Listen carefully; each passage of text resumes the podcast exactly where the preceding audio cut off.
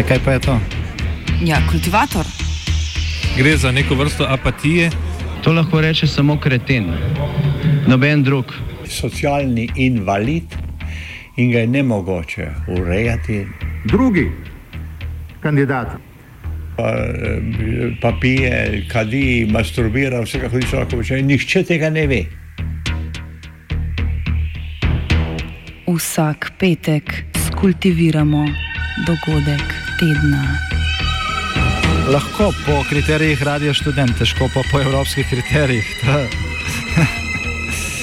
Ampak na drug način, kot vi tu mislite. Kultivator vedno užge. Da pač nekdo sploh omenja probleme, ki so, in da pravzaprav sploh nekdo sproži dogajanje uh, v družbi. To drži, drži. Lov na elemente delovnega razmerja. Bilo je kot v filmu. Naenkrat je še vse kup inšpektorjev, mislim, da je šel vsako pisarno eden, k nam je prišel eden, ki nas je vse legitimiral, mogli smo mu pokazati osebne, jih je popisal, potem se je pa ukvarjal praktično samo z dvema honorarcema, ki sta bila takrat v sobi, zaposleni ga niso zelo zanimali, zelo mal stvari je vprašal, glavno je pa si precej časa vzel za, za oba honorarca. Sprašval jih je, kako, kako pogosto pridejo, na, na čigavih sredstvih delajo, na čigavih računalnikih. Eno, ki, ki postavlja revijo, vprašal, če ima delovno obleko, pa če uporablja čopič. Um, koliko zaslužijo, jih je tudi spraševal, take stvari. Tako akcijo oziroma v inšpektorskem žargonu usmerjen nadzor v izvedbi inšpektorata za delo in finančne uprave Republike Slovenije opisuje Jelka Sožun iz revije Zarja. Državna organa sta včeraj v medijskih hišah preverjala spoštovanje delovno-pravne zakonodaje in predpisov o varnosti in zdravju pri delu, zaposlovanja na črno in davčne zakonodaje. Inšpektori so obiskali delo, Planet TV, ProPlus, Dnevnik, Večer. Večer, Krater Media, pa tudi RTV Slovenija in Slovensko tiskovno agencijo. V današnjem kultivatorju nas bodo zanimale predvsem kršitve delovno-pravne zakonodaje.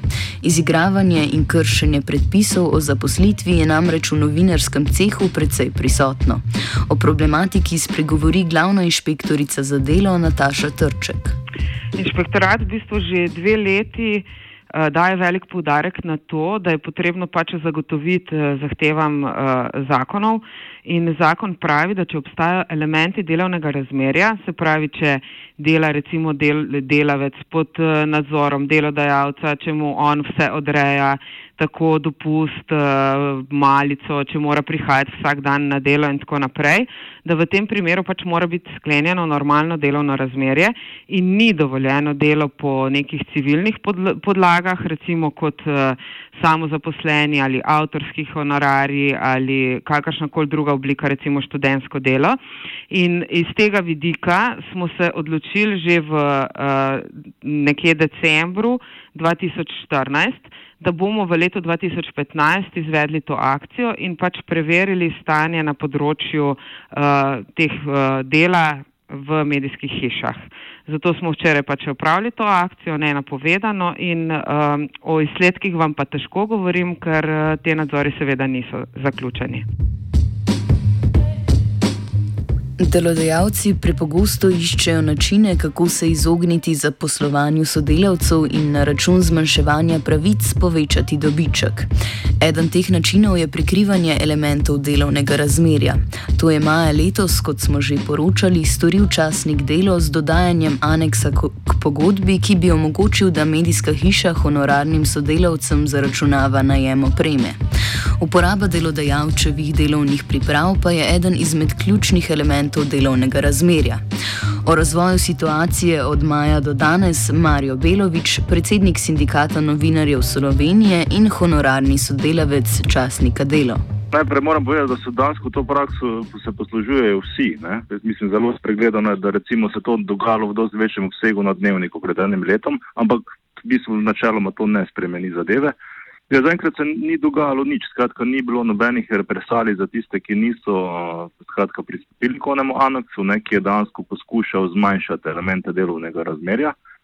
ki jih potem eh, ugotavlja tudi inšpektorat, ampak potem tudi postopoma je vedno več prekarcev, po mojih informacijah, tudi ta aneks podpisalo. Ne. Je pa prava takrat že tudi napovedala, da bodo pač dobili z, z iztekom leta, ne, ko se iztečejo te pogodbe, ta, te določbe notre zapisane v samo pogodbo, ne tam preko aneksa. Ne, tako da bomo videli, skratka, rešitve te situacije ni.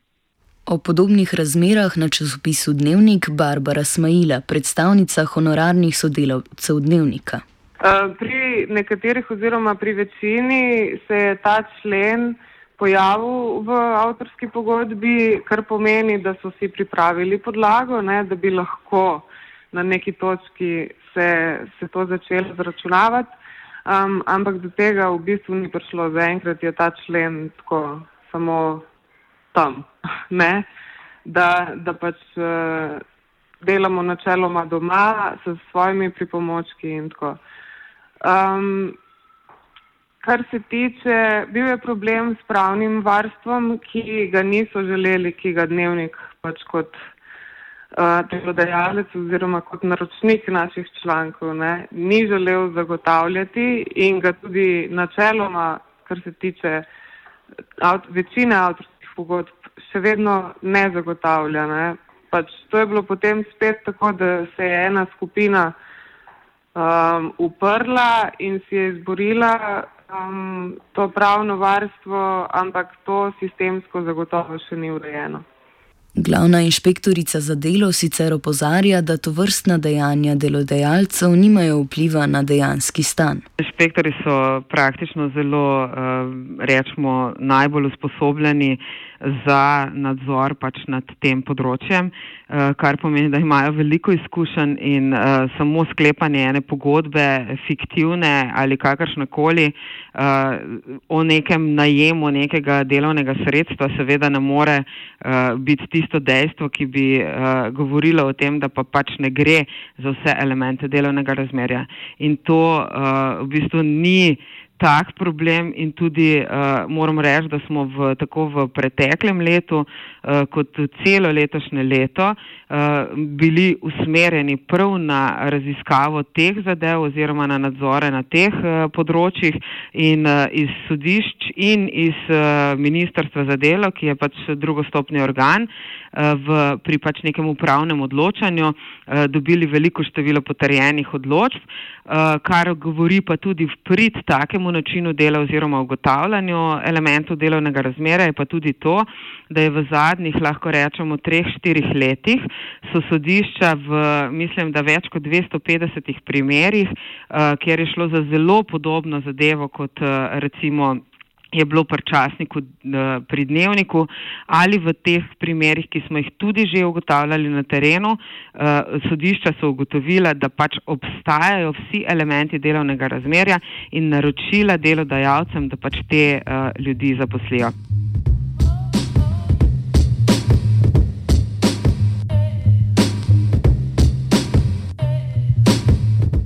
Inšpektorat za delo je poostrene kontrole nad prikritimi zaposlitvami napovedalo že konec prejšnjega in začetek letošnjega leta. Do včeraj medijsko odmevnih aktivnosti na področju medijev praktično ni bilo. Omenjajo se različni vzroki, od obsežnih priprav pa do čakanja na Ministrstvo za delo, da inšpektorjem naloži večja pooblastila pri ugotavljanju in sankcioniranju morebitnih kršiteljev. A akcija se je vendarle zgodila in kot v imenu sindikata novinarjev novinarjev Slovenije, pravi Marijo Belovič. Jo načeloma pozdravljamo, ker je pač pravilno, da je država končno na tem področju začela delati red, čeprav pošteno povedano, država tudi povzročila to stanje. Ne? Tako da je skrajni čas, da se ta zadeva začela sanirati, ampak ob tem je obstaja veliko nevarnosti. Skratka, najprej ta, da zaradi nedorečene zakonodaje lahko.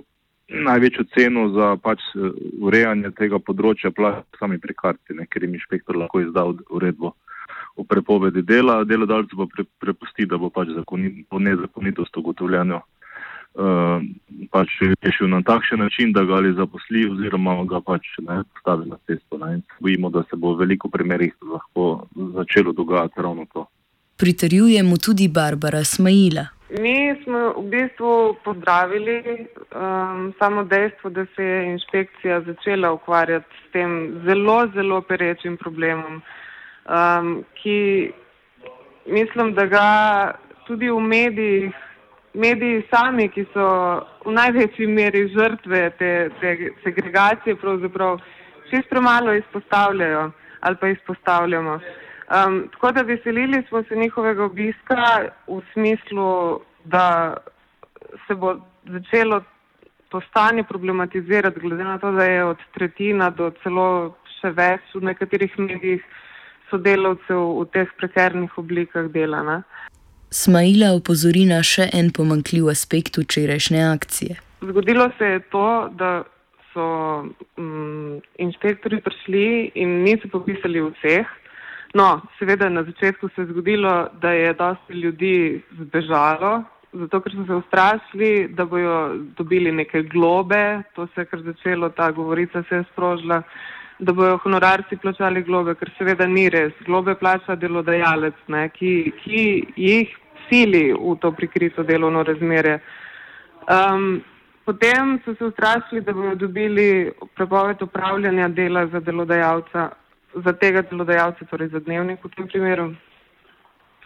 Um, kar so nam tudi kasneje povedali, da se ne bo dogajalo, ne, da bo pač samo um, poskus prisile oziroma odločba delodajalcu, da odpravi to ne, nezakonito stanje. Ne.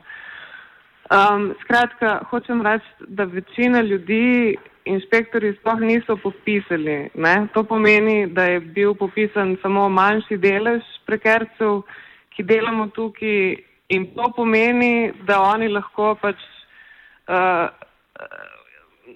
nosijo krivdo oziroma postanejo grešni kozli ne, in se jih pač delodajalec skuša rešiti in za vse ostale, ki niso bili popisani, še dodatno zaostri razmere. Ne. In tega se res, res bojimo. Zato bomo probali ukrepati na vse načine, da pač to preprečimo in opozoriti inšpekcijo, da je treba um, absolutno vse narediti, da ne bo problem prekernih delovcev v bistvu to še večji s tem, ker so oni pač posegli v mes.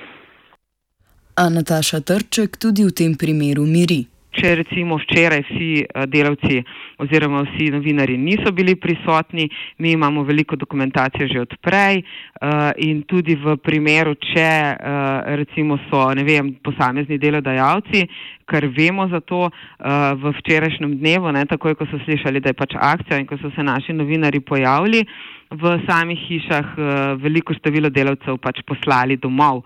Ampak to za nas uh, mislim, da ni ovira, uh, mi pač podatke imamo in če bo potrebno, bomo seveda tak nadzor uh, opravili še večkrat in predvsem pri tistih, ki so uh, na včerajšnji dan uh, mogoče pač zadevo po svoje urejali. Tako da jaz mislim, da so naši inšpektori dovolj usposobljeni in da pač smo uspešni na tem področju. To vrstna argumentacija Barbare Smaila ne prepriča. Dejstvo je, da ti popisani honorarci, ne. mislim, jaz si težko predstavljam, da bojo. Uh, da bo inšpektorat, ne glede na to, da ima pogodbe za vse, ne, ne verjamem, da bojo za vse uprek pošiljali globe. Um, verjamem, da bojo globe doletele delodajalca samo za tiste primere, torej, ki so bili popisani ne, in pri katerih je bilo nedvomno ugotovljeno, mislim, koliko je to pač možno v tako kratkem postopku, um, prikrito delovno razmerje. Um, zato jaz vem in verjamem, da je ta postopek potekal dlje časa in bolj temeljito, kot smo včeraj imeli priložnost videti, ampak uh, se bojim, da bojo. Um, konkretne posledice samo v določenih primerjih in da bo tlele plodna tla za še dodatno diskriminacijo nekaterih. Po prikritem zaposlovanju skoraj slovi javna RTV Slovenija, ki je bila ravno tako tarča včerajšnjega usmerjenega nadzora. Zaposlitev so honorarni sodelavci veliko krat dosegli šele s tožbo. Problematiko pojasnjuje Marko Fili, generalni, generalni direktor RTV.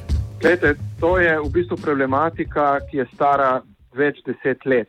Praksa angažiranja pogodbenih sodelavcev ni nastala zdaj, pred kratkim, ampak je to praksa, bi rekel, od nekdaj, uh, verjetno ne samo v javnem zavodu, tudi marsikje drugot. Uh, mi smo skozi zadnje leta to problematiko intenzivno reševali. Zaposlovanje na javnem zavodu je v zadnjih štirih letih, vsaj odkar sem jaz uh, generalni direktor, bilo skoraj celoti namenjeno zaposlovanju stalnih pogodbenih sodelavcev in omejevanju pritoka novih kadrov iz, bi rekel, zunanjega okolja. Je pa bilo, je bil pa ta problem tako obsežen, da se ga pač v teh par letih, kljub temu, da sem zaposlil približno 350 uh, eh, pogodbenih sodelavcev v tem času, uh, se ga ni dalo rešiti, ker je bilo tega še mnogo več. Tako da smo se v letošnjem letu potem odločili, da to ne bomo vlekli še vrsto let vnaprej in da bomo poskušali to paketno sanirati v letu 2016. In uh, moram priznati, da ta obisk inšpekcije, ki je bil Eh, včeraj je samo dal potrditev, da smo se pravilno odločili. Eno, eno omejitev pa zagotovo je bila tudi sam javni sektor, kot veste, v javnem sektorju je zaposlovanje že vrsto let zelo omejeno. Eh, mi smo morali pridobivati soglasja programskega sveta, zato da smo lahko zaposlovali in seveda tudi ta organ je, eh, je moral skozi dogajanje, bi rekel, na tem področju, dogajanje v družbi, Eh, ki se nanaša na prekarno delo, priti do, do spoznanja, da je pač to zadevo potrebno rešiti in tudi programski svet je na nek način nam dal pri tem podporo na junijski seji, ko je določil, da naj eh, to problematiko hitreje rešujemo. Glede očitno množične razširjenosti fenomena širom slovenske medijske krajine se seveda pojavljajo klici po rešitvah. Kakšnih Marijo Belovič? Najboljši bi bil nek sistemski ukrep, skratka, ki bi ne, celotno področje prekarijata urejal pod eno streho, ampak je to verjetno zaradi specifik samih poklicnih težko izvedljivo. Ne. Ampak za začetek bi bilo dobro že to, da dejansko dajo pooblastila skozi novelo zakona inšpektorat, da inšpektor dobi pooblastilo, da lahko v primeru ugotovljene eh, ne, kršitve, skratka, da gre za prikrito delovno razmerje, ki je po zakonu ne, eh, nelegalno, da delodajalcu naloži, da takšnemu prekarcu ponudi zaposlitev. Na mesto rešitve nam vzrok problema ponudi glavna inšpektorica za delo Nataša Trček. V izjavi je čutiti antinomijo med upravno izvršilno ter zakonodajno vejo oblasti. Moramo ugotoviti, no, da je v Sloveniji zelo, zelo razširjena ta praksa, da se uh, zaradi same obremenitve plač in plačila prispevkov poslužujejo delodajalci predvsem tistih uh, oblik dela, ki so cenejše. In to je zdaj v zadnjih dveh letih skoraj takoj, ko je bilo povečana obremenitev na avtorske in civilne pogodbe, se je v bistvu cel uh, fokus obrnil proti uh, temu, da pač ljudje sklepajo samo zaposlitve. In uh, tudi, če pogledate po številu samih uh, delodajalcev, ne, ki so nekako, oziroma po številu samih poslovnih subjektov, ne, lahko ugotavljamo, da v zadnjih dveh letih ne, je število samozaposlenih enormno naraslo. In imamo v, zdaj v tem trenutku v Sloveniji že približno 205 tisoč poslovnih subjektov, od tega jih ima pa približno 170 tisoč uh, samo 1,2 poprečno zaposlenega delavca. Zaključujemo v pozitivni luči z odgovorom Marka Filija na vprašanje, če bo konec leta po zaposlitvi 260 honorarnih sodelavcev še vedno moč najti prikrite zaposlitve v javni hiši. Ja, torej, po našem načrtu takih sodelavcev ne bi smelo več biti. Kultiviral je zupan.